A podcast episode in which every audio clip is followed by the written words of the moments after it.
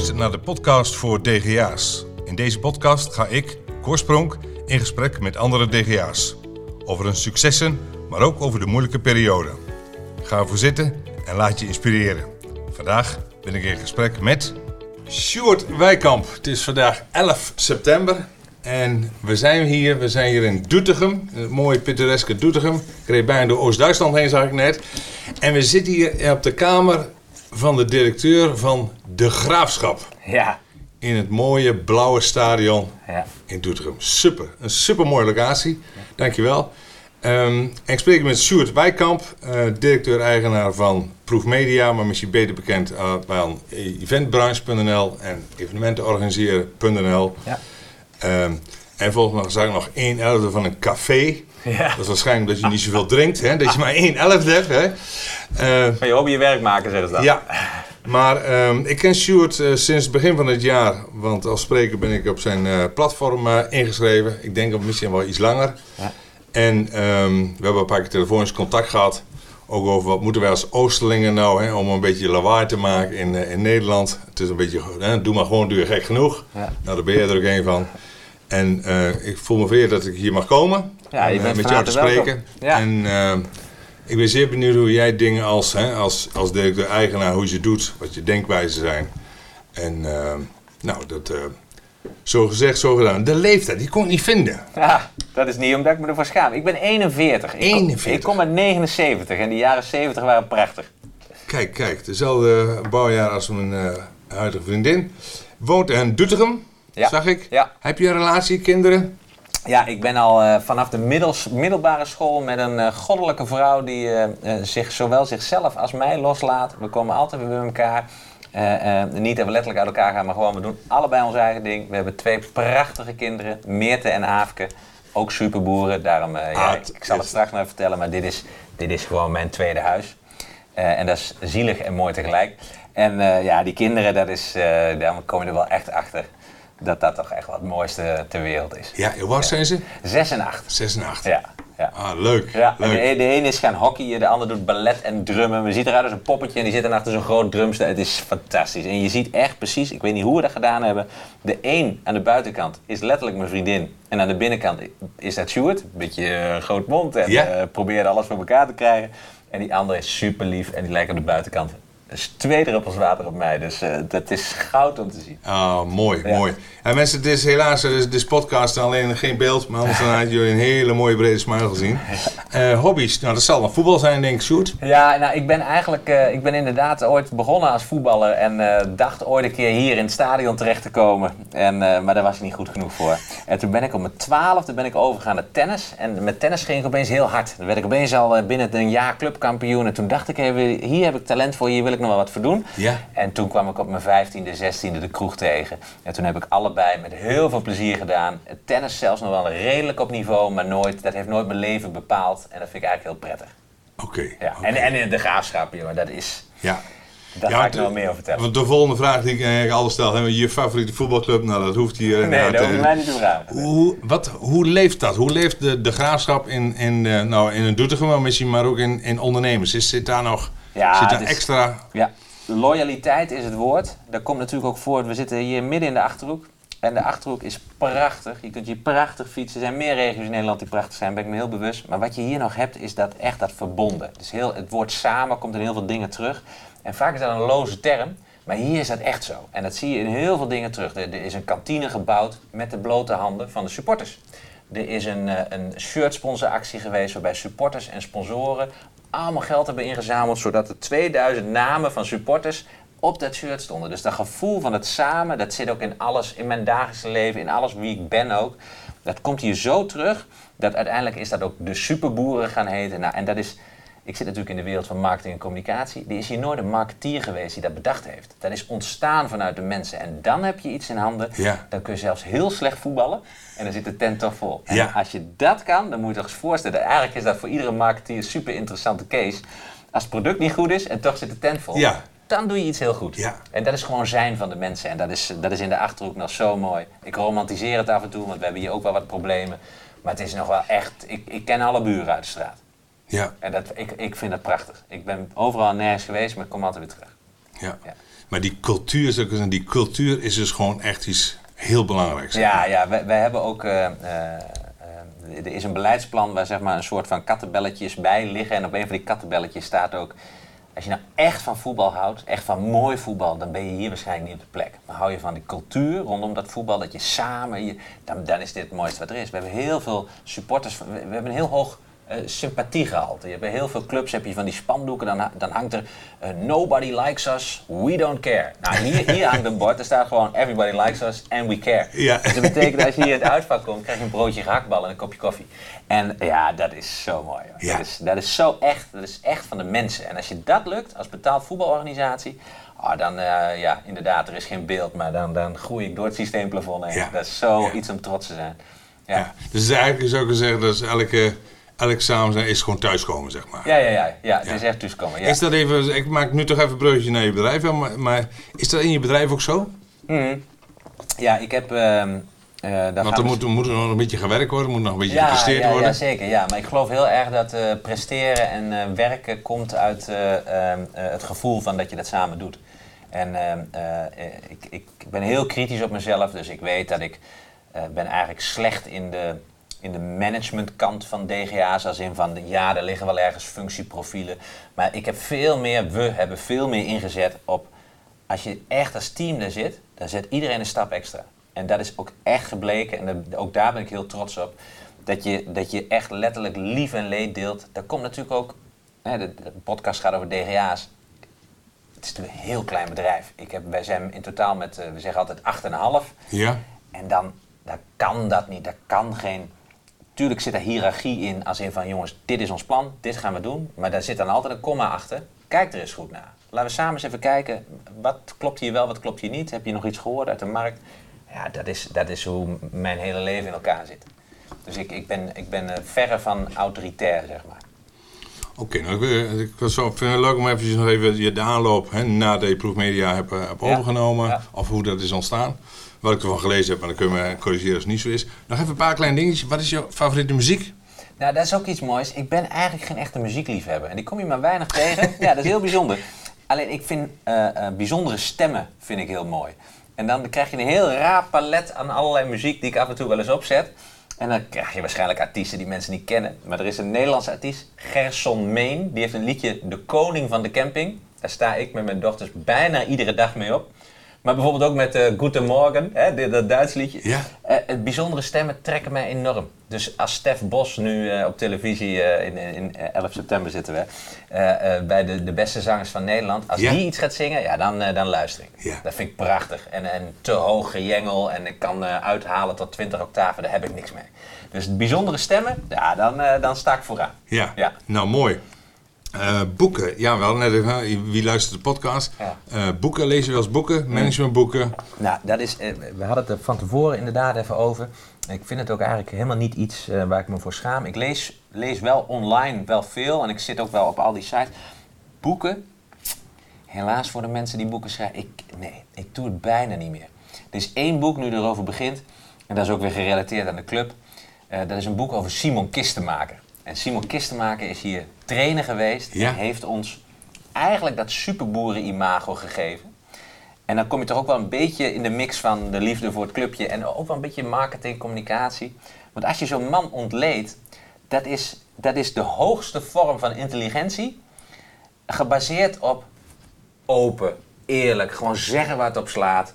En ook weer samen. En die man die kon dingen bij elkaar brengen, fantastisch. En, die, en hij heeft een boek gemaakt. En toen heeft hij mij gevraagd, hier mag ik het boek op de Vijverberg in het stadion van de Graafschap lanceren met een persconferentie. En toen heb ik gezegd, dat is goed. Dan moet je het vertrouwen bij mij neerleggen. Zeg, dat doe ik. Het is een lekkere rauwe vent. Ik zeg, maar dan gaan we er echt een evenement van maken. Want als je je boek gaat presenteren en jij doet drie woordjes. En toen hadden we dus op een gegeven moment, dan ga je mensen bellen. En dan zie je ook dat dat samen, dat komt overal terug ook hoor. Ja, wordt het ja. vervelend toe. Dan bel ik dus Hans Kraai junior en die zegt, tuurlijk. En dan bel je de hoofdredacteur van de VI, tuurlijk kom ik even. Graafschap, mooi man, weet dat. En, Ja. en als je dat voor elkaar hebt, ja, dan heb je eigenlijk, dat is een beetje slecht om te zeggen, maar je niet zo heel veel boeken nodig.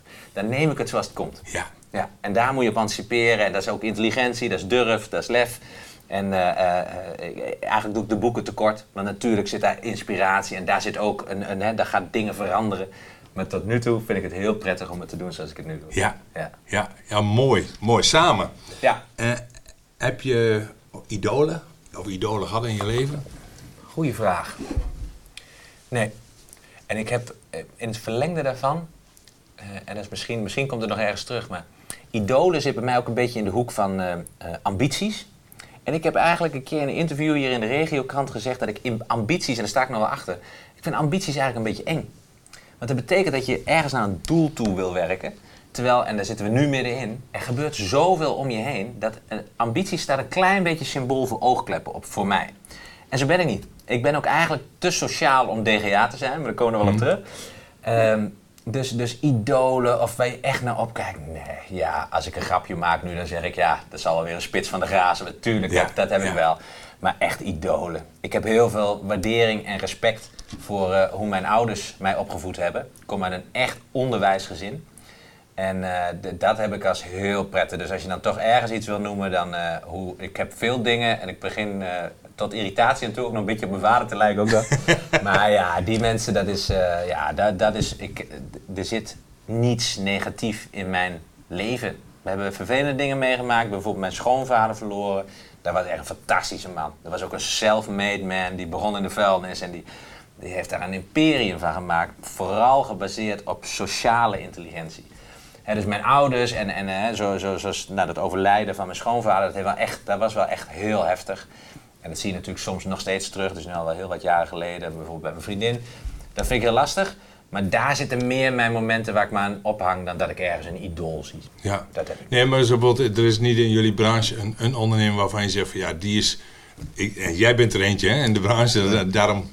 Ja, mensen, we gaan nu toch even zeggen. Hè, ja, Sjoerd kreeg gisteren een lintje. En hij is. eh, nou, dat is eigenlijk wel een koninklijke. Ja, Je hebt hem, eh, je hebt hem op. ja ik heb hem opgedaan. En ik heb het wel geprobeerd, maar ik kan niet goed uitleggen waar het voor was. Het is één van de vier die ooit is uitgereikt. Ja, ja, ja, het ja. is door de branche uitgereikt. Ja. Over live, zeg ik. Ja, dus het, het zit helemaal in ons vak. Hè? Dus het is event marketing, live communicatie, daar waar live momenten. Hè? Nou, ja, jij bent als spreker er helemaal aan gewend, maar misschien niet iedereen die luistert. Het gaat eigenlijk letterlijk van teambuildingsuitjes tot congressen, tot productintroducties. Alles wat binnen marketing en communicatie live gebeurt. En wij noemen dat graag evenementen, maar het gaat wel verder dan dat. Ja. Daar zit een branche, hè. dan ga je van de RAI naar cateraars, naar bureaus die dat organiseren, naar echte marketingafdeling binnen grote bedrijven. En als je dan van de brancheorganisatie een lintje krijgt, waarbij de omschrijving is, het begon ergens met een echte ambassadeur voor het vak, maar ook van eh, grote toegevoegde waarde voor de professionalisering. En er werden vooral wat momenten aangehaald dat ik namens de branche mocht spreken. En dan sta ik ook echt op de barricade. Ik heb, ik heb wel vaker op de zeepkist gestaan.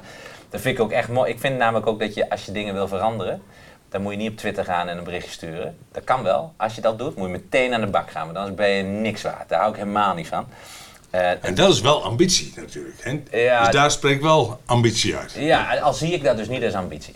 Dus, dus want eh, wat voor mij eh, eh, eh, iets veranderen, uiteindelijk wordt er een discussie waar nooit een winnaar uitkomt hoor. Maar ik zie dat dus niet als een ambitie. Ik ervaar iets waarvan ik denk dat moet echt anders. En dan ga ik, dan, dan je mijn hele beste. Als ik er ook van overtuigd ben dat dat goed is. Maar dat hoeft niet eens. Voor mij is dat niet een ambitie, zo voelt dat in ieder geval. Ben je dan een profeet? Nou, je, je zou het bijna gaan zeggen, maar dat, moet, daar wil ik totaal niet aan. Maar ik heb, hier, ik heb hier bij de graafschap heb ik echt op een zeepkist gestaan toen ik het gevoel had, en met mij heel veel mensen, dat de club beleidsmatig de verkeerde kant op ging. Toen heb ik gewoon de mensen bij elkaar gehaald. Toen zijn we in de kantine ingegaan. Die was stampensvol. En ik stap op dat krukje. Op dat, en ik heb uit het hart gesproken. Ik heb wat dingen op papier gezet. En ik kreeg potverdikke de hele bende mee. Kreeg echt iedereen mee. En dat is niet een profeet. En zo. Maar hetzelfde doe ik ook in de evenementenbranche. Dan sta ik gewoon ergens in eh, Rusland bij de Best Event Awards. En dan gaat het over evenementen. En dan denk ik, ja maar jongens, we zijn al stappen verder. En dan pak ik gewoon de microfoon van die presentator af. Nou moet je in Rusland niet te vaak doen. En heb ik gewoon gezegd, jongens, dit is de toekomst van marketing en communicatie. Daar is geen discussie meer over mogelijk. Hier moeten we nu op investeren. En dan zie je dat overal, zie je dat in allerlei internationale media terug. Dus een profeet, nou nee, dat woord, dat, dat, ik, je, je gaat vanzelf merken, ambities, profeet, dat, zo denk ik niet, zo Nee, ben ik niet. nee. Maar ik sta er wel als moet. Ja. En daar zit ergens, misschien kun je dat best Ja. wel ambitie doen. Nee, nou, maar laat ik zo zeggen, ik, ik zie het niet als negatief. Nee, nee, dat ik ben ook eh, een profeet. Ik moet soms dingen zeggen die ik niet leuk vind. Maar Ja. ik denk wel dat ik vaak dingen zegt die of het volk niet wil horen of namens het volk spreekt, Ja. waar een ander niet durft te spreken. Ja, ja. En dat zie ik bij jou wel. En we hebben het zo eh, laatste keer telefonisch over gehad van ja, uit het oosten bij ons is het doe maar gewoon duur gek genoeg. ja. Eh, en, en toch, ja, soms schoorvoeten en toch hebben we wel dan de, ehm, denken we soms dat het nodig is om het wel te zeggen. Ja, maar ik Eh. heb wel, ik heb wel een. eh, ik, ik ben niet officieel getest, maar ik ben wel manisch positief. Dus negativiteit en. dan moet ik het goed zeggen, want kritiek, dat vind ik verre van negativiteit. Ik merk wel aan mezelf, ik, ik vermijd. Moet, dan moet ik het goed zeggen, want ik ben wel kritisch en ik spreek ook uit. Als het moet, spreek ik het uit. Maar ik ben eigenlijk. Dat is ook de reden dat ik in die evenementenbranche zit. Behalve dan nu, midden in de coronacrisis. Maar het is natuurlijk dat is een branche, dat gaat eigenlijk in alles over positiviteit. De nieuwe visie, een nieuw product, we gaan verder, teambuilding. Dat is niet voor niks dat ik op die plek terecht ben gekomen. Ja. Dat, is, dat is hoe ik ben, dat is wie ik ben. Ik ben enthousiast, ik wil mensen de rug laten rechten. En, en daar daar merk ik wel dat thuis ben ik soms wel eens heel kritisch op het journaal. En als ik dan op werk kom, dan denk ik, laat ik dat nou eens ombuigen en kijken waar we er wel positief mee kunnen. Ja. Dat is mijn aard. Ja, Ja. ja. Nog even, ehm, je zei net al, eh, ik heb een van de vragen, wat voor nest kom je? Hè? Nou, je ouders eh, waren in het onderwijs. Ja. Je hebt zelf de Radboud University gedaan. Nou, ik wist niet dat die bestond, maar Nijmegen. Nijmegen. En een bachelor journalistiek gedaan. Ja. En daarna ben je bij RTV Gelderland geweest, was je Theo Teletext. Dat zal waarschijnlijk een, eh, ook een, eh, een koosnaampje zijn geweest. En, daarna, en eh, gedurende vier jaar bij Omroep Gelderland als freelance was je toen journalist. Was dat toen Ja, al dus naar ik- buiten? Ja, ik heb zeven jaar over mijn ateneum gedaan. Dat is al een hele zit. Vier jaar journalistiek. En daarna nog eens een keer vier jaar een instroomprogramma op de universiteit. Waarbij ik uiteindelijk het niet heb afgerond. En dat heeft een... Vond je school zo leuk? Nee, absoluut niet. Nee, sterker nog, toen ik, toen ik, eh, want ik had journalistiek gedaan en toen, toen kon ik eh, bij mijn stage blijven bij het ANP. Ik zat op de economieredactie. Gouden verhalen over, maar dan duurt de podcast veel te lang. Op de economieredactie tijdens de invoering van de euro. En dus dat eh 2002 denk ik. Ja, 2002, ja, 2002. En ehm, ah, dat was fantastisch. En dat ging zo goed. En toen merkte ik ook dat het was echt wel iets voor mij. Een lunchen met de minister. Als stagiair, hè? Ja, fantastisch. Totdat ik in contact kwam met de andere journalisten. En dan helemaal, ik weet niet of het economieredactie gebonden was, maar dan zat je bijvoorbeeld een off-the-record gesprek op het ministerie. En gezellig praten, totdat ze erachter kwamen dat ik stagiair was. En dan was ik eh, minder. En dat is de aanzet geweest tot een redelijk goede analyse van dat ik journalisten is eigenlijk tegenovergestelde van wie ik ben. En eh, toen kreeg ik dus die baan aangeboden en toen zaten er bij het ANP twee mannetjes, die doen de beursberichten. Nou, dat zijn net die twee mannetjes van de Muppet Show. En daar kon ik heel goed mee. Die waren eigenlijk strontzaggerijnig, dus dat botste met me. Juist dat is een mooie combinatie. En die zijn toen met mij, want ik moest op één dag beslissen. Die zijn met mij een rondje gaan wandelen. En die hebben tegen mij gezegd, eh, dat, dat klinkt een beetje eigengeilig, maar zij zeiden, jij hebt veel meer in je mas dan hier de journalisten gaan spelen. Ga nou eens echt studeren, want je, het is allemaal te makkelijk gegaan. En dat is helemaal gelijk in. Ik ben overal zo doorheen gehuppeld. En daar lag er een keer een spiekbriefje als ik de Duitse naamvallen moest leren. Dat soort dingen. Ja. Daar ben ik niet trots op, maar zo is het wel gegaan. En zij zeiden, je moet verder, je moet hier niet blijven hangen. Jij, je- jij bent niet de journalist. En die hadden zo gelijk. En toen ging ik naar de universiteit. Toen kwam ik bij een Duitse professor. En op het moment dat ik mijn afstuderen begon, kreeg ik een baan aangeboden als, als hoofdredacteur van Feestelijk Zaken doen, heette dat toen nog. Ja. En mijn Duitse professor zei, Sjoerd, ik heb jarenlang iedere student op dit punt bij mij gehouden. Maar tegen jou zeg ik, ga en vermenigvuldig. Ah, eh, die man is overleden inmiddels, Karsten Rengsdorf. Ja. Professor communicatiewetenschap in de framing. Dat was mijn afstudeerrichting. Ja. En ik heb het dus nooit afgemaakt. En eh, behalve wat familieleden die dat nog jammer vinden, heb ik er nooit last van gehad. Nee, maar het is echt dus die... Maar even... Maar oh, dat ik eigenlijk positief. Het is mo- mooi dat die twee mannen dat zagen. Ja, ja, was een goede call. Want ik, wist, ik, ik heb... Ik, dat Zagen ze dan je ogen, zagen ze dan die paar vragen die je stelde, vragen die je juist niet stelde. Ik had natuurlijk al drie, vier maanden met ze samengewerkt. En, eh, en ik heb ook wel gesproken met ze over dat ik vaak journalisten zo vervelend vond. Dat ik een beetje in de gaten begon te krijgen dat er wel heel veel zijn die zichzelf net even iets belangrijker vinden dan het nieuws waar ze mee bezig zijn. Vragen stellen, nog een keer stellen, nog een keer stellen, dat is voor mij journalistiek. En dan krijg je een beeld van wat. Maar één geluidje en poef paf. Nou, dat, en, dan, en dan een beetje, ja, dat hotane, dat, dat, is, dat ben ik niet. En, en eh, daar doe ik heel veel journalisten mee tekort, want er zijn er heel veel hele goeie. Maar ik heb net die ervaringen gehad die dat voor mij Ja. bepaalden. Dus ik ben heel blij dat ik daar uitgestapt ben. Ik ben heel blij dat ik eh, de andere kant op gegaan ben. En waar ik nu zit is gewoon de combinatie van alles, van alles wat ik ben. Ja, maar daar wil ik even op inzoomen. Ja. Ehm, want ik ben even benieuwd, hoe is die overname gaan? Dus je zat bij Feestelijk Zaken. Ja. En ik begreep, eh, la- en wat zag je op je LinkedIn-profiel, zeg je staan van, joh, uiteindelijk hebben we dat doorgestart Ja. ehm, in proefmedia. En Ja. toen later is daar weer een soort van doorstart geweest in evenementenbranche, eventbranche.nl Ja, en ja. evenement hoe. Ja. Dat, dat, hoe is dat? Je komt binnen eerst in dienst bij Chief Officer. Ja. En dan, dan zeggen ze, joh, we stoppen ermee, maar Sjoerd je het zitten? Of hoe, hoe, Ja, hoe nee, ging dat? we, zaten binnen Read Business, grote uitgeverij met veel vakbladen, hier ook in Doetinchem overigens. Eh, en eh, eh, er zijn twee dingen daar heel belangrijk geweest. Eén is Hans Steenbergen, dat was de hoofdredacteur van eh Misset Horeca. Die zat naast mijn kantoortje, dus ik werd daar gewoon in het diepe gegooid. En achteraf was ik al de laatste bezuinigingsronde. Dus de oud-hoofdredacteur ging naar de concurrent, naar High Profile. En ik kwam binnen in schaal min 10. Met, eh, ik, ik, volgens mij heb ik zelfs contributie betaald. maar ik, ik had gewoon, eh, en daar kom je dus ergens tussen ambitie en, en doelen. Ik had wel als doel om ergens wel in de media, maar liever niet als journalist. Dus ik had wel ergens iets voor me. Ik begon wel een gevoel te krijgen. Ik kom hier wel op mijn plek zo dadelijk. Dus ik ben gewoon gegaan. Ik ben gewoon gaan doen. Ik had ook heel veel freelance baantjes. Ooit een keer een artikel verkocht aan de Korea Herald. Dat soort dingen. Dat vind ik mooi. Hè? Dus dan was ik al een beetje de ondernemer onder de, onder de journalisten, denk ik. En toen kwam ik daar uiteindelijk kwam ik daar in een, in een rol waarbij dus eigenlijk feestelijk zaken doen. FZ.nl heette dat toen al. Eigenlijk al de kraan was dichtgedraaid. En tegen alle verwachtingen in gingen we als een stel cowboys met een klein salesteampje. En ik als redacteur met nog een half eh, collega, Maria, vol erin. Gewoon binnen dat grote, bijna ambtelijke bedrijf, waren wij gewoon een eigen bedrijfje. En eh, was ik gewoon eh, een van de twee eigenaren, zeg maar. Op content, op kennis, gelijk vol erin vliegen. En we hielden me vol. En bijdragen en positief en, en cijfers. Totdat ze op een dag zeiden, zat ik bij het hoofdredacteurenoverleg. kwam er opeens een, eh, een grafiekje met een streep. Pijltje naar links was groen, pijltje naar rechts was rood. En toen zeiden ze gewoon, eh, alles rood gaan we eruit snijden. Read Business, zo groot, moederschip in Amerika. Ja, ja, En toen kwamen we dus in een traject. En in dat traject kwamen we eerst van de OR bij uiteindelijk, wij noemden haar de penningmeester, maar dat was de, de, de CFO. En in dat slotgesprek ben ik eh Sjoerd geworden. Daar ben, ik, daar ben ik geworden zoals ik nu ben. Toen zat ik daar met mijn collega Mark, die ook partner is in het, eh, in het bedrijf. Ehm, en Mark deed sales. En de, de senior sales, Wouter, Wouter Veldman, gouden vent, die was al helemaal ziek geworden van het bedrijf waar we in zaten. Dus die had het al een beetje aangevoeld, denk ik, waar ik nog iets te naïef was. Maar in dat gesprek ging het echt over de oprotpremie en eh, zo en zo gaan we van elkaar af. En toen heb ik gezegd, nou, ik heb eigenlijk heel iets anders eh, aan jullie te vragen. Want ik kom hier uit Doetinchem en in de Achterhoek praten we allemaal met elkaar. Dus ik heb, voordat ik hier ben gaan werken, ben ik naar iedereen in de journalistiek, in de communicatie gegaan. Is dit een goede keus voor mij? Die hebben allemaal gezegd, ja, dat is een echt, dat is een uitgeverij zoals het ooit bedacht was. Daar doe je het echt samen, secundaire arbeidsvoorwaarden, opleidingen, daar moet je naartoe.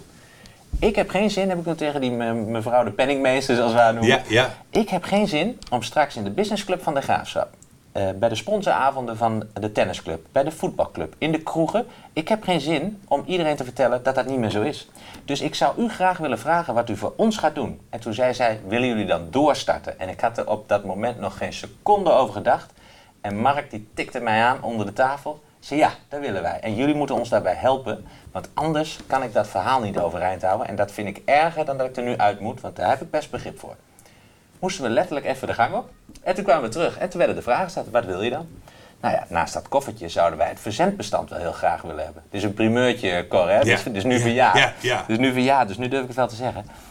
En toen zei ze, ja, ja, dat dachten we al dat jullie willen hebben. Eh, het aantal betaalde abonnees in het verzendbestand, dat mag je niet meenemen. Dat blijft hier, voor als we nog weer een keer verder willen. Maar je mag wel het eh, controlled circulation bestand, duizenden adressen. Wij naar de marketingafdeling, gelijk allemaal achter elkaar. Dat is allemaal in een tijdbestek van een uur. Ja. Ik werd in een uur werd ik ondernemer. Dat is, ja, dat is wel de kop van de, Ja. Naar de marketingafdeling. En daar waren wij dikke mik mee. Er zaten natuurlijk vooral vrouwen, dus we konden lezen en schrijven. En er zaten veel mensen die met evenementen bezig zijn. Heel veel overleg met ons. En toen zei de eh, toen voormalig hoofdmarketing, die zei... Ik heb het al op een stikje staan. En ik heb heel per ongeluk in het controlled circulation bestand... met groen de eh, betaald eh, abonnementen aangevinkt.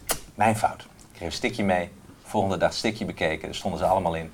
En toen zijn we puur op goodwill en op gunnen, hebben we meteen een bericht de deur uitgedaan. We gaan verder, we gaan doorstarten, we weten nog niet precies hoe, maar steun ons straks als je vindt dat dit moet blijven bestaan. Ja. Ah, en we, we hadden een vliegende start, jongen. Dat was fantastisch. Ja, ook, weer, ja. ook weer dat samen, hè. Ja. Durven ook te vragen, durven aan te spreken op... wil je ons helpen, want we willen door. Maar, Ik weet, was je toen al getrouwd? Nee, ik ben nog niet getrouwd. Oké, maar, maar eh, je was toen al een vriendin? Ja, ja, zeker. En, want ik, je zegt binnen een uur. Ja. Dan hebben we natuurlijk met Mark je natuurlijk, eh, kun je wel wat overleggen, dus Ja. dat, dat, scheelt. Ja, echt maar, op de stoep. Maar, maar dan, dan, kom, dan kom je thuis en dan. En dan eh, en, dus die volgende dag waarschijnlijk naar de KVK of zo. Je Ja, nou, dat, daar ging nog iets maar- meer overheen. Maar we kwamen uiteindelijk in een traject met het, eh, met het UWV. En ik weet dat er heel veel mensen... Want uiteindelijk word je gewoon ontslagen. Ja. Je moet eerst in dat traject. Ja, Uh, ook gewoon financieel was dat iets verstandiger om dat zo te doen. En dan kreeg je eigenlijk, en er zijn heel veel mensen die zeuren heel veel op UWV. Wij hadden een fantastisch contact in Doetinchem. Een jongen die ik kende van de Spinnenkop, dat is waar de harde kern staat. Ja, dat is weer, hè, Kort. Dat is gewoon weer dat je Ja. dat netwerk samen doen. En die heeft ons zo goed geholpen. Dus we hebben eigenlijk een beetje leunend op de uitkering, hebben wij echt ons bedrijf op kunnen starten. Vonden we nog een derde partner die al een kantoor had, die al com- computers had, een meubilair. En hebben we gewoon gezegd, oké, zet de handtekening en we vliegen erin. Ik kon de content doen, Mark de sales en onze derde partner had eigenlijk letterlijk het meubilair. Dus Ja. het was een gouden kans om gewoon door te starten. ja. Ja. Oh, en, mooi. en thuis, wat jij vroeg thuis, Ja. eh, mijn vriendin Haukelien, die komt wel dus echt uit een ondernemersfamilie. Hè. Dit was de, de vuilnisgigant hier in de buurt. En haar broer is ook echt met een eigen bedrijf, eh, en, en, die nu heel goed doet overigens. Die zit in de hygiënehoek, fantastisch.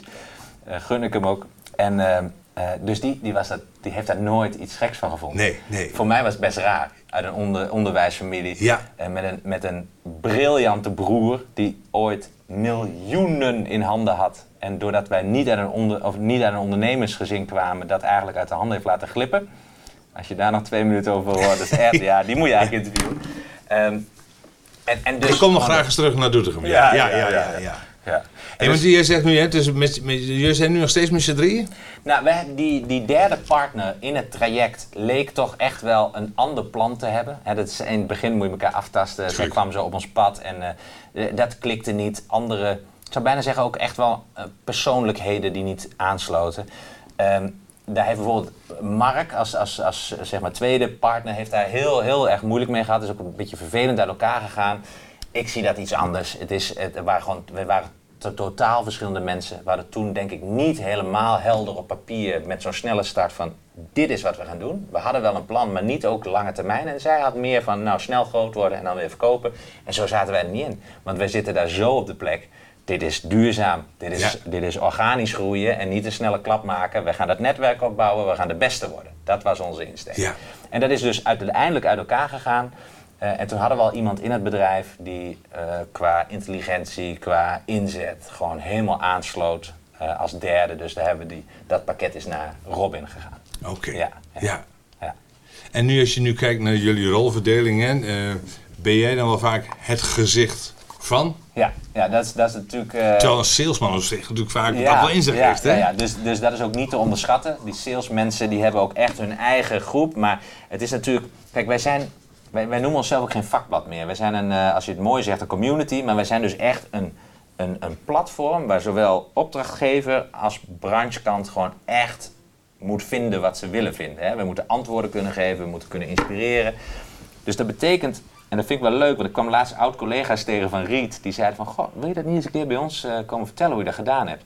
Wat wij gewoon vanaf, vanaf moment één gedaan hebben, is het creëren van echt een hele hechte community. En, en eh, eh, dat begon eigenlijk met de mensen in de branche, dus de locaties, de bureaus. En we zijn heel snel daarna zijn we gaan proberen mevrouw KLM ook naar ons toe te trekken. En meneer Nike, want daar zitten de budgetten, daar zit het geld. Dus ehm, eh, ja, do- door, door die insteek te doen, is dan eh, is degene die de content, de kennis van de markt, dat wordt dan al heel snel het gezicht. En dat ben ik. Ja, en je merkt daarbij dat ik dat nog steeds moeilijk vind om te zeggen, want dat gaat natuurlijk een beetje tegen het achterhoeks in. Maar dat ben ik inderdaad. Ik ben het gezicht en ik, ik zorg dat wij overal op de barricade staan als het moet. Dat wij zorgen voor goede content. Ik spreek intern bij bedrijven en op alle plekken waar maar event professionals samenkomen. Dus ja, ik ben zeker het gezicht. Ja. Je zou kunnen zeggen, dus zo zie ik je ook wel, dat je, dat je je bent, de, je bent de autoriteit, je bent een autoriteit in de markt. Ja. Dat ben je al en, en misschien nog wel van de, hè, dan groeit dat alleen nog maar. Ja. Ehm, maar je bent, je bent misschien wel, hè, wel een brani maken omdat je wel ondeugend bent. Mm. Maar je bent geen grote bek die zegt van, ik ben de beste. Nee. Alhoewel je misschien wel de beste voor de branche zou willen zijn, omdat je het wel goed wilt doen, zeg maar. Ja. Dat is tenminste zoals ik, zoals ik het zie. Ja, ja. Ehm, het is 11, eh, 11 september 2020. Eh, dus niet 9-11 eh, de andere keer, maar eh, ehm, corona. Die heeft, die heeft jouw bedrijf, hè, jullie platform. Je zou zeggen, je hebt nog nooit zo druk gehad. ja. En je hebt nog nooit zo weinig verdiend. Ja, dat is het. Ja, dat is precies wat er aan de hand is. Kijk, de hele wereld is ziek. En eh, eh, een pandemie is gewoon ziek zijn. En eh, onze branche is het meest ziek. En, want uiteindelijk is het een, is het een evenementenvirus, hè, dat, dat samenkomen. Maar toch niet van buiten, Sjoerd. Het is toch, het is toch binnengevaarlijk? Het is buiten ja, toch niet nee, gevaarlijk? Nee, wij, wij publiceren ook de artikelen over Maurice de Hond. En eh, daar doen wij het interview mee. En wij roepen ook de brancheorganisatie op van hier moet je goed naar kijken. En stapje voor stapje landt dat nu ook bij stugge organisaties als RIVM, WHO. Dat gaat er nu wel in komen. Er zit alleen wel iets dat... Je komt natuurlijk in een traject waar niemand een spoorboekje van heeft. Dus ik heb heel veel begrip voor dat je eerst die afslag neemt. Alleen je moet wel zo flexibel zijn om, en dan kom je dus weer op het verschil tussen negativiteit en kritiek. Je moet een goede kritiek, en dat is zo iemand als Maurice de Hond, die is goud waard. Dat soort mensen zijn goud waard. Luister goed, kijk goed en ga het dan ook echt onderzoeken. Want het kan niet zo zijn dat, zelfs als wij bij elkaar zitten, dat we het al meteen erover eens zijn. Want dat is toch al bewezen. Ik snap dat ze de feiten in handen moeten hebben. Ik snap ook dat dat voor onze branche stapje voor stapje doen is. Maar waar ik mij vooral hard voor maak, en dat zit dan een beetje in lijn van buiten kan het toch wel. Ik maak mij er gewoon hard voor dat als nu de spelregels even zo zijn, in een traject nogmaals waar niemand weet waar we precies naartoe gaan. Maar laten we dan als branche, want dat zijn wij, laten wij dan zorgen dat we dat tot in perfectie organiseren. Want wij hebben dus bijvoorbeeld al een netwerkevenement buiten gehad met, eh, nou volgens mij hadden we 120 mensen.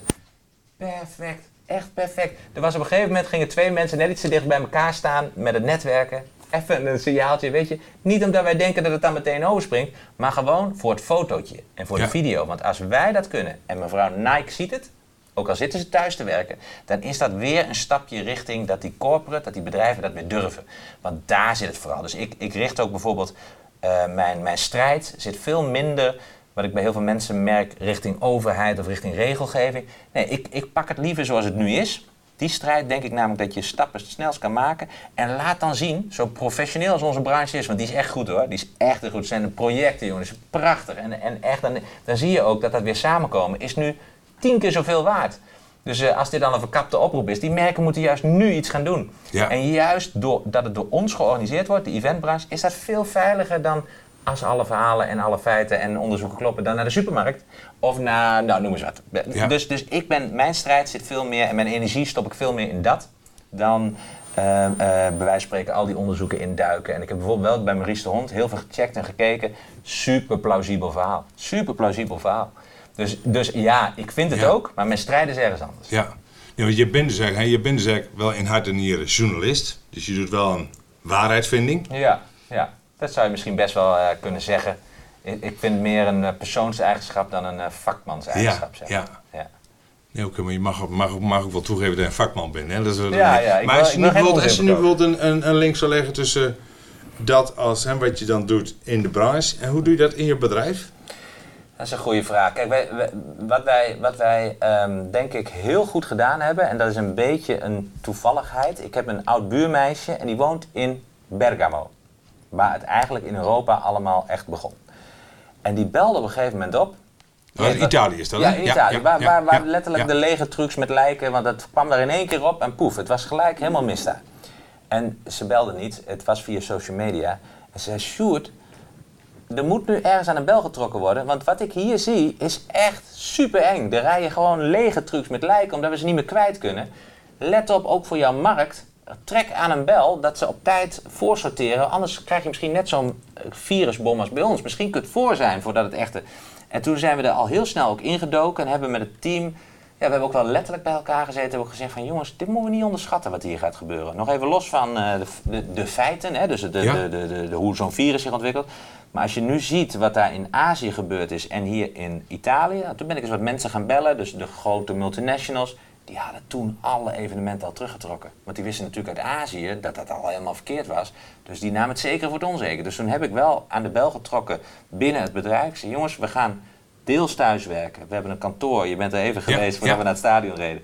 Uh, uh, we gaan deels thuiswerken, maar we kunnen juist ook wel hier zijn. Dat is ook prettig. Hè? We hebben goed afstand. We hebben zelfs uh, glazen wandjes ertussen zitten. Ja. Dus we zijn eigenlijk daarin wel heel vaak op kantoor geweest. Maar dat bewustzijn niet vanuit negatief, maar wel realiteit. En realiteit hebben wij vanaf moment één te pakken genomen. En dat heeft ervoor gezorgd dat wij, wij schieten door het plafond heen uh, met, met bezoekers op de site. We in, in mei hadden we 60.000 unieke bezoekers. Terwijl wij zijn een niche site. Wij zijn gemiddeld zijn wij 17.500, 20.000 bezoekers ongeveer. Dus, dus daar ben ik heel trots op. Dat we, we hebben het niet in het negatieve getrokken, maar we zijn er ook niet naïef mee omgegaan. En dat zit bij alle collega's. Dus dat is gewoon meer het verhaal vertellen en er samen over praten. En zeggen van oké jongens, dus dit is waar we voor staan. En dat, dat, dat heeft heel, in mijn beleving, hoe je zoiets positief kan zien, want onze branche is gewoon echt naar de knoppen. Maar dat heeft wel heel goed uitgepakt voor in ons bedrijf. Ja. Ja, ja goed, ik, ik durf nu bijna niet te vragen, Sjoerd, want wat dit nu, hè, wat dit uiteindelijk voor de branche kan betekenen. Want er zijn natuurlijk heel veel ja. ZZP'ers die op dit moment, als ze, als ze nog vermogen hadden, dat ze die wel dat ze nu opmaken. Ja, ja. En uh, jij en ik weten denk ik allebei niet hoe lang ze dat nog kunnen volhouden. Ja, Want uiteindelijk natuurlijk, als iemand uiteindelijk niks meer heeft en hij krijgt niks van de overheid, dan ga je denk ga je stelen. Ja. Of ga je rebelleren, zeg maar. Ja. En, en nou, dat past niet in, uh, in, in, natuurlijk zeker niet in jouw vorm om uiteindelijk samen weer iets positiefs te bouwen. Nee. Um, nee, ik, vind, ik vind zelf als ondernemer vind ik het lastig hè, dat, dat de overheid, dat hadden we ons natuurlijk nooit kunnen denken, dat de overheid kan zeggen over een half uur moet je toko dicht zijn. Ja. Dat was natuurlijk voor de cafés toen op die, op die eerste persconferentie. Ja. En um, ja, een platform, ja, die hoeven niet dicht en die gaat wel door. En zeker een online platform gaat wel door. Maar um, hoeveel, hoeveel ondernemers heb jij in de afgelopen maanden al misschien wel janken aan de telefoon gehad ja, van Sjoerd. Ja, ja, veel, veel. Ik weet het niet meer. Nee, maar waar jij woorden gebruikt als rebelleren of stelen, zo zie ik dat totaal niet. Sterker nog, ik vind bijvoorbeeld zoals je ziet wat jij bijvoorbeeld doet, door gewoon in deze voor jou ook hele lastige periode zo'n podcastserie op te zetten. Ja, het gaat je niet meteen je omzet opleveren, maar, maar uh, uh, dat is een beetje wat ik ook in het begin zei. Het is heel makkelijk om te schreeuwen, te roepen, te rebelleren. Dat is helemaal makkelijk. Te stelen is lastig, maar als je helemaal over drempel bent, wordt dat ook een gewoonte en heel makkelijk. Uh, figuurlijk allemaal, hè. Maar, maar het, de kracht van mensen zou moeten zitten in van... ja, het is even zo en we moeten het aanpakken. En we moeten tegelijkertijd kritisch zijn of klopt alles wel. En daar, daar heb je volgens mij een democratie voor als het goed is. Dus sta ik ook helemaal niet zo negatief tegenover demonstraties. Maar ik, ik blijf heel ver weg van complottheorieën. Ik blijf heel ver weg van uh, echte negatieve kritiek... die ook niet weet of dat de waarheid is. Dus ik zit veel meer in uh, laten we pakken wat, wat je nu kan pakken en, en doe het dan ook. Dus, dus waar ik geëmotioneerd van word en waar ik vol achter sta, zijn mensen die nadat er dus weer wat geopend werd op 1 juli, mocht je weer met 100 mensen congressen doen, dat daar dan gewoon een locatie in, in Den Haag, de Fokkerterminal, belt en zegt: Sjoerd, ik wil dat jij spreekt, je moet die branche toespreken. Wij gaan gewoon een congres neerzetten. Twee keer 100 mensen, s ochtends 100 opdrachtgevers en daar zaten ze, hè, die zaten er. En smiddags 100 man uit de branche. En toen mocht ik na Prinses Laurentien, die overigens ook een fantastisch verhaal had. Ik zeg ook gewoon ook, want mijn speech, dat is de speech waar ik het meest trots op ben.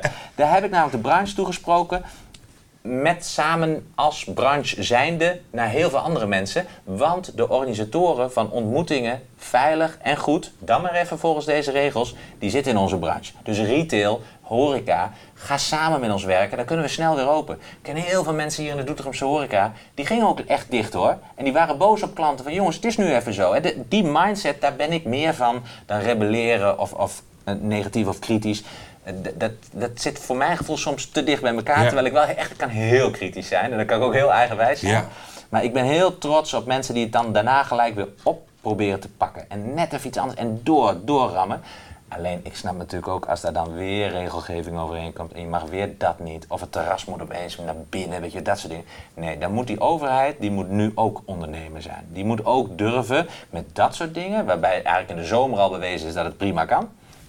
En dan het, het randje opzoeken, weet je wel. Ja, ja, Dus, dus ik, ik kijk ook niet gek op van een concert waar mensen gevraagd werden om proefpersoon te zijn. Ik, ik zou dat bijvoorbeeld als toch redelijk, nog steeds wel redelijk vitaal persoon, ik zou daar ook wel in meegaan. We moeten hier samen uitzien te komen door, het- door het aan te tonen wat nou wel en niet kan. Ja. Als we allemaal bang blijven dat hier in het Graafschapstadion dat je twee meter naast elkaar moet zitten om een voetbalwedstrijd te kijken. Ik geloof daar niet in, maar laten we het dan zo snel mogelijk bewijzen. Weet je? Ja. Dat, dat, dat zit heel erg. Maar denk je ook dat, dat een vaccin gaat helpen? Ja, ja, maar ja. Ga je hem nemen? Ja, absoluut. Ja? Ja, ja, Ga je hem absoluut, je ja. personeel geven? Eh, niet geven, maar die hebben voor mij de vrijheid om dat ook te doen. En ik ben, ja, ik ben niet van die theorieën dat, eh, dat daar ergens iets in zit. Zodat ze, weet je, mijn broer, die, eh, die heeft ooit hier in Doetinchem de allereerste Nederlandse zoekmachine bedacht. Ilse. Oh. Ilse.nl. Ja. En alle software gemaakt op een MSX-computer. Nou, dan kon je net een spelletje. Echt een briljant brein, Cor. Er zijn maar weinig mensen. Dat komt niet alleen omdat het mijn broer is, maar het is een briljant persoon. Dus echt bizar. Daar moet je ook niet mee trivianten, Nee. want als hij zes gooit en hij mag beginnen, dan is daarna meteen klaar. maar, maar hij heeft toen al tegen me gezegd: joh, plak nou even dat cameraatje op je telefoon af toen de eerste smartphone kwam. Die heeft mij uitgelegd hoe alles opgeslagen wordt. Kijk, Die discussie over privacy, die, die snap ik wel, maar ik ben daar al voorbij, zeg maar. Het is gewoon een feit dat overal en nergens, en we hebben geluk dat het nog niet zo ver is, want er gaan echt wel, daar geloof ik wel in, dat er ooit een keer een cyberachtige, eh nou ja, je hebt het wel eens gezien dat alles platgelegd wordt. Ja. Dat, dat is geen complottheorie, dat gaat echt wel een keer gebeuren. Maar ik ben een soort van prettig naïef en, en te positief in het leven. Dat ik denk van oké, dat is zo. Ik geloof niet in dat er door een heel klein naaldje een chip in mijn arm kan komen. Zodat ze straks weten waar ik loop. Maar daar tegenover staat ook dat iedereen op dit moment weet, Korspronk, dat wij hier zitten. Sterker nog, ik denk zelfs dat als ze willen, kunnen ze dit gesprek net zo opnemen op mijn telefoon als dat jij op Ja. jouw podcast zet Ja. doet. Ja. En daar heb ik geen zin in, vanuit het idee je leeft maar één keer, om daar te veel over na te denken, te veel bij stil te staan. Dan pak ik liever iets positiefs op, wat ik kan omdraaien of wat ik nog mooier kan maken. En dan kun je me altijd bellen. Ja, dat is hetzelfde als dat, wat ik zeg. Als je in Google, als je dan op je computer zit, dan krijg je allerlei advertentievoorstellen. En dan denk ik, nou dat is mooi. Ze weten tenminste wat ik mooi en belangrijk vind. Ja. Het is prima dat er getoond wordt. Ja, hè? en je- Ben, ik- ben ik naar een auto eens kijken, nou dan krijg ik dan allemaal autovoorstellen. Ja. Dat is toch handig? Ja, je kunt daar ook heel boos en negatief over worden, maar het is nou zoals het is. En we zijn er allemaal in meegegaan. Ja. Alleen er zit natuurlijk een soort van ethisch kantje aan, waarbij het niet te verkeerd En dat gaat een keer gebeuren. Maar dan moeten we maar met z'n allen zeggen van tot hier niet verder. En alleen, ja, het, het, ik weet dat ik daar ook licht naïef in ben, maar ik voel me daar heel prettig bij. Ja, ja, ja. En die naïviteit, heb je die dan ook wel, trek je die ook door in het ondernemen? Bijvoorbeeld in het aannemen van mensen bijvoorbeeld. Dan heb je zoiets van, Ja. oh, dat, dat, dat komt wel goed. Ja, daar heb ik ook wel eens een keer een stagiair gehad. Die ik echt aannam dat ik dacht van, oh die heeft echt even wat hulp nodig. En die kwam na een maand erachter dat ze en lesbisch was en de taalverkeerde opleiding deed. Daar ben ik apen trots op. En ik had er helemaal niks aan als ondernemer. En daar zit ook wel iets wat, wat de kern misschien ook van dit gesprek wel is. Ik ben ondernemer geworden in een uur tijd. Dat was geen doel, dat was geen ambitie. Als je terugkijkt in mijn verleden, was ik dat altijd al. Toen ik eh, acht was, had ik een fietscrossclub. Moesten ze mij allemaal een dubbeltje betalen. Gingen we samen fietscrossen en had ik een zak snoep. Dat is volgens mij wel wat een beetje Ja. kenmerkend is Ja. voor ondernemers. Dat heb ik ook in alles gehad. Ik verkocht hier bij de club, laat het me niet horen. Verkocht ik rondom de merchandise van de club zelf. Verkocht ik truien voor de fanatieke kern. En dan tikte ik er een tientje bovenop. Kijk, de echte ondernemer doet het keer twee. Hè? Dus ik, ik, moest, ik reed de hele achterhoek door. Ik hield er bijna niks in over. Maar dat is natuurlijk wel, dat, dat is eigenlijk wel het kenmerk van een ondernemer. Ja. Dus dat zit er best wel in. Dus ik moet daar ook niet eh, zeggen van dat, dat- zo ben ik helemaal niet. Dus ik ben dat stiekem wel. Maar het was nooit mijn ambitie. Het was nooit, eh, eh, m- m- niet eens mijn doel. Eh, het, het is zo gegaan. En ik, ik voel me er heel prettig bij. Ik kan ook wel beslissingen nemen. Maar ik denk als je dan toch kritisch kijkt. Kijk, een goede ondernemer is ook wat makkelijker door te zeggen: oké, crisis. Eh, goed kijken, dat gaat lang duren. Personeel eruit. Dat, is, dat was de meest logische weg, bijvoorbeeld bij ons bedrijf. Wij hebben gezegd: crisis. Eigenlijk moet personeel eruit, maar NOW gaan we pakken. Dat betekent dat we jullie sowieso één keer drie maanden baangarantie geven. Waarschijnlijk wordt dat twee keer drie maanden. Er waren natuurlijk korte lijnen met de, Ja. met de lobby, en dus wij wisten wel wat er ongeveer ging gebeuren. Dus we kunnen jullie in principe zes maanden baangarantie geven in een branche die zo dadelijk van 100 poef naar nul komt. Dat hebben we super goed ingeschat, dat was ook zo. En dat gevoel, dat, dat samen dran, zeggen we hier bij de Ja, samen de ja. mouw op zo. Dat vind ik mooier, geniet ik meer van, word ik enthousiaster van. Lig ik overigens ook dus niet wakker van. Hè? Het is zo groot wat er nu gebeurt. Ik heb nog geen nacht slecht geslapen. Dat is echt heel raar. Maar, want ik zit er niet in om een ton extra over te houden. En dat is denk ik een hele slechte eigenschap van een goede ondernemer. Vind ik, als ik er van een afstandje naar kijk. Maar is een hele fijne eigenschap voor iemand die daar ingerold is. Die dat altijd al wel een beetje in zich had. Maar die vooral geniet van samen met mensen wat doen. En, en dan is dat, weet je, ik kan niet vaker dan twee keer op vakantie. Ik snap ook helemaal niks van mensen die, die drie keer in de maand golven. Met alle respect voor die mensen, want die hebben het gewoon beter voor elkaar, want die hoeven zelf niet meer zoveel te doen. dat is natuurlijk echt zo. Ja, als, als ze doen werk op de golfbaan, hoor je ook wel eens. Hè? Dat, ook, dat, ja. eh, dat kunnen. Ja. Maar goed, op het moment dat je, dat, dat is een uitdrukking, op het moment dat je geld als water hebt, is het natuurlijk makkelijk praten. Ja. Op het moment dat je het water je aan de lippen staat, is het natuurlijk lastig. En, en je vertelde toen wij bij kantoor was, eh, dan, en we hoeven daar geen namen te noemen, maar als er toch in deze tijd dan een personeelslid dan toch ehm, begrijpelijk aan ingaan, hè, toch denk ik, ja, eh, Ik wil meer zekerheid. ik wil meer zekerheid. Ja. Ik kan me ook wel voorstellen dat dat qua loyaliteit had. Dat ook, over dat het, ik bedoel, waarschijnlijk helemaal groot gelijk, maar dat dat, zo mij geval, ik zou er last van hebben. Nee, ja, nee dit, dit, dit is voor mij het toppunt van loyaliteit. Want zij is meegegaan in het traject. Haar eigenschap was heel erg zekerheid. Dat vond ze het prettigst. Ja. In het traject ga je af en toe samen zitten. Want wij, ook wij hebben al die verklaringen liggen. Het is nu september als we het opnemen. Het wordt Ja. in november. Het zou heel goed kunnen dat we met een veel kleiner team verder gaan. In dat traject zijn we nou, nog meer dan transparant geweest. We hebben zelfs even, omdat er kwam een geluid op een gegeven moment... maar hoe kan dat dan? Want je hebt toch NOW en je hebt toch een klein beetje steun. Ja. En toen hebben we gewoon, er was, staat een filmpje op internet van iemand... die heeft dat supergoed uitgelegd met een zwarte piste. En dan, en dan zeg maar ten opzichte... Sam van Dalen. Ja, fantastisch. Die komt eh, volgende week, de week Oh, erop. Nou, Gewoon doe zit goed. bij Sam. Ik, Ja. ik heb zijn filmpje gebruikt om gewoon de collega's te laten zien... dat is een beetje naïef, jongens, als je zo denkt. Hij kwam wel als een kor, hè? Ja, eh, ja, ja. En, Ja. en, en, en ehm, eh, eh, eh, eh, dat vond ik wel, dat is wel het enige waar de loyaliteit even leek uit mijn vingers te glippen, was dat je op een gegeven moment ging praten over eh, mijn vakantiedagen. En toen heb ik ook gezegd dat hier niet verder. En dan, dan word ik weer de zeepkistenman. Dus, nu moet ik heel even eh, goed uitleggen nog een keer. En daar heb ik bijvoorbeeld in Robin ook, eh, die zit daar precies zo in, dus dat is Ja. heel prettig. En dan kun je dus ook uitleggen, en dat werkte heel goed, dat met die garantie van die baan, waarbij iedere andere ondernemer jullie eigenlijk al gezegd heeft van nou, we gaan reorganiseren, je krijgt een klein beetje geld mee en we zijn weg. Dat besef moet je houden. Als je dat niet hebt, kunnen we niet samen verder. En dan was het toch een dag later unaniem, alle collega's, ja, we zien af nu van die 13e maand, bijvoorbeeld. Ja. En dat in combinatie, even terugkomen naar die, die ene collega die dus nu al een andere baan heeft, die heeft huilend, dat is misschien iets te privé, maar dat is wel hoe het gegaan is, gewoon gezegd, ik vind het hier zo fijn, maar ik kan niet tegen de onzekerheid. En in plaats van daar tegen ingaan, want dan had ik denk ik een collega, ben ik mijn, maar ja, nogmaals, we zijn hier in het dorp, kennen elkaar Hmm. allemaal, Ja. heb ik er gewoon eens een paar gebeld. Ik zei, ik heb hier iemand die zit op de binnendienst. Eh, dat is voor ons ook nu even alleen maar contact, weet je wel, onderhouden. Dus, Ja. En die wil graag weg. Heb je nog wat? En eh, een van die heeft daar gebeld. Eerst mij overigens, van ik wil haar gaan bellen. Heb ik gewoon gezegd, doen. Ik weet niet eens of ze dat letterlijk zo weet. Maar dat daar, ja. Kom, Ja. Dus, Ja. Nogmaals, dat is niet ondernemers eigen, denk ik. Of in ieder geval te sociaal voor, voor een hele succesvolle ondernemer. Maar daar geniet ik van. Ja. En dan lig ik dus niet wakker. Dan heb ik dus iemand die in tranen zit op mijn kantoor, wat niet hoort bij hoe ik samen wil werken. Heb ik aan een baan geholpen en die heeft verzekerdheid. ja. Prachtig. Ik, Nou, ik, denk, eh, ik denk dat dat een hele mooie les is wel voor andere ondernemers om wel zo te zijn uiteindelijk. Want eh, menselijk kapitaal, dat is altijd nog eh, iets. En het is moeilijk om aan goede mensen te komen. Zeker Ja. aan, moeie- aan goede, loyale mensen. Ja, Ehm, dus ik, ik vind het eigenlijk een, eh, een, een hele goede eigenschap van een, eh, van een ondernemer. ja, waarbij wij ook wel echt een rariteitenkabinet hebben. Hè? De een is 65, de ander is half Turks, Grieks, Nederlands, eh, alles door. Als in van, we hebben zo'n mooie mix van, nou, ik vind, daar, daar, daar geniet ik iedere dag van. Ja.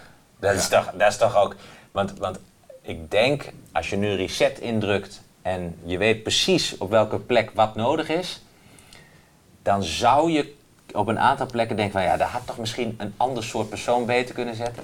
Maar door dat gevoel van het vangt die een, vangt dan wel weer de, Ja. van die ander op. En dus de salesmensen hebben ook echt, die past bij hem, die past bij haar en zo verdelen we het ook echt. Ja. Dat, gaat, gaat organisch en dat is, dat is goud. Ja. Ja. Ik, eh, ik zeg nog dat, eh, dat code rood is, is. Kwam dat ook bij jullie vandaan? Of was dat Nee, een, eh, was nee. dat een, eh, een. Nee, dat is eh, van de brancheorganisaties. En eh, in, mijn, in mijn speech, toen we voor het eerst weer congressen mochten, zei ik ook zeg, van, voor ons geen Malieveld. voor ons het geluid van de buren, dat we weten dat ze ons het meest missen. Het ontmoeten van mensen, Ja. de festivals, Ja. de congressen, de beurs. Dat is wat je het meest mist. Hè? Ik heb ook gezegd van die filosofen die dachten dat liefde of religie de, de kern van ons bestaan is. Nee, joh, het is gewoon mensen ontmoeten. Zelfs mensen die je niet mag. Dat, dat, zelfs dat mis je.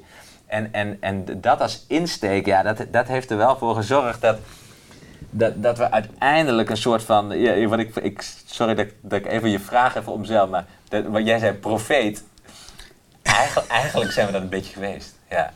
We hebben die boodschap hebben we verkondigd. Om, om in ieder geval te zorgen dat het helder is dat dat wat we hadden, is niet weg.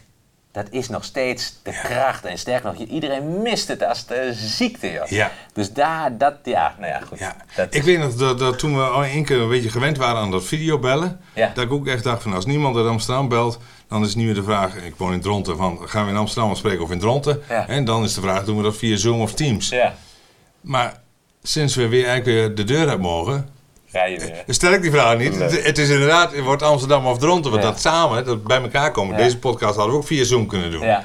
Ik moet er niet aan denken, dat, Nee, dat nee. hè, de- omdat dit, dit, dit, veel, dit, dit is meer voelen en dit is meer... Ja, ja. Veel minder zien en, en ervaren, zou ik maar zeggen. Ehm, en dat, dat hebben we, hè, dat is, dat is ook.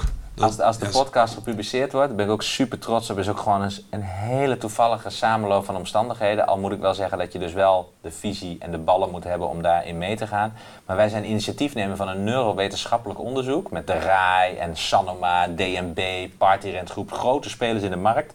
En Neurensics, dat is een bureau die die neuroonderzoeken doet.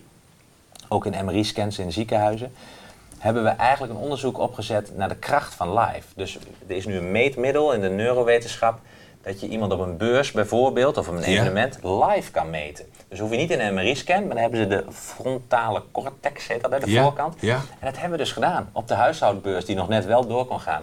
En dan hebben we dus 30 mensen een sales pitch laten ondergaan. eh, op drie verschillende stands, exact dezelfde pitch allemaal, met een cameraatje ernaast.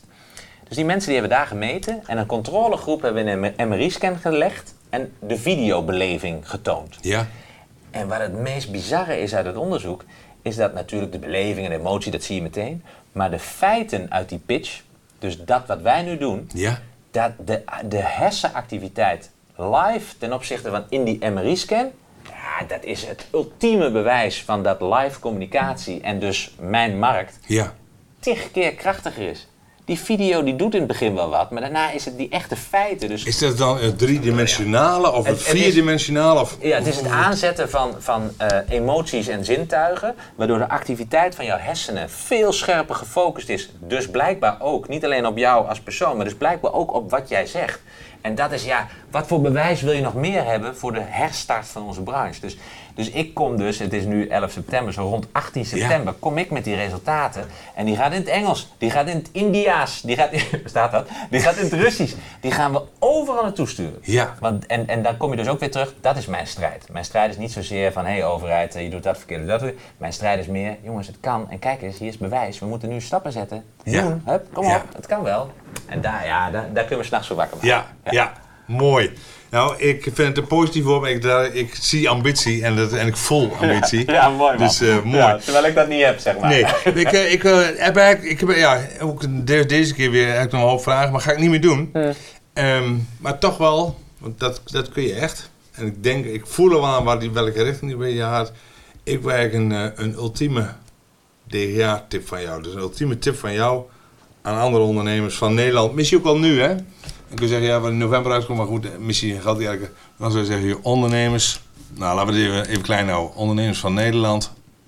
Ja. En wat zeg je dan? Nou, moet het in one-liner of mag ik hem nog even aankleden? Mag hem iets aankleden. Want ik, toen jij belde, zei ik, ja Cor, dan ben je wel met de verkeerde. Want ik heb niet zoveel met zo'n titel. Hè? Bijvoorbeeld DGA of CEO. Of, eh, ik had toevallig laatst een, eh, een online sessie met, eh dat ging over vrouwen in de, in de eventbranche. Daar heb ik dan overigens ook niks mee. Als in van, kom op man, dan ben je groen, al heb je staat. Maar er is natuurlijk, er is in, in bepaalde sectoren is daar nog steeds een plafond. Of weet ik wat. Is, is er in, in evenementbranche, als je vrouw bent, duurt minder? Absoluut niet. Nee, wat net zeggen. Absoluut niet. Maar er staat natuurlijk wel tegenover dat als dan eh er vanuit wordt gegaan door de man dat nog steeds de vrouw meestal de kinderen naar het werk brengt, eten doet en de boodschappen doet, dan wordt het wel lastig. Maar waar ik heel erg van overtuigd ben, en daar zit ook ergens mijn tip. Voor mij gaat het niet om functietitel. Het gaat niet om eh, het is een beetje het LinkedIn-idee. Je kunt er wel allemaal opschrijven uh, wat je bent, maar het gaat er veel meer om wie je bent. En uh, als ik een tip mag geven, dan vind ik, dus een soort stelling en tip tegelijk. Goede ondernemers, in mijn ogen, zijn de mensen die in alles een dooddoenetje zichzelf zijn, in alles staan voor wat ze doen en daar collega's in mee kunnen nemen. Als je dat kan, en dan kom je toch weer helemaal terug naar het begin, hier in het Graafschapstadion, dan kun je samen dran. Dan kun je vragen aan mensen, jongens, we moeten even doorrammen. En dat doen ze bij mij, zonder dat er nog ooit iemand geweest is die een extra uurtje wilde declareren. En dat, dat, is mijn ultieme tip. En ik moet er bijna bij zeggen, daar kun je heel rijk van worden, maar je kunt er ook, en dat is bijna een basis, dat is bijna een zekerheid, je kunt er heel gelukkig van worden. En dat heb ik voor elkaar, ook al is onze branche in brand. Als je, als je dan zelfs in zo'n situatie niet wakker ligt en nog iedere dag met een glimlach naar je collega's gaat, die ook nog eens teruglachen, ja, dan, dat is mijn tip. Dan ben je gelukkig en dan komt er vanzelf, als je wil, als je echt wil, ga dan lekker omzet draaien, winst maken. Is iedereen gegund, is niet mijn ambitie. Ja, samen dran. Samen dran. En dan zijn we nu aangekomen aan het einde van deze podcast voor DGA's. Wil je regelmatig geïnspireerd worden door de verhalen van andere DGA's? Abonneer je dan op deze podcast. Ben je DGA en wil je wel eens verder praten over de onderwerpen die je gehoord hebt? Dan maak ik graag een afspraak met je. Je weet mij vast wel te vinden. Voor nu zeg ik, ik wens je nog een fijne dag. Hoi!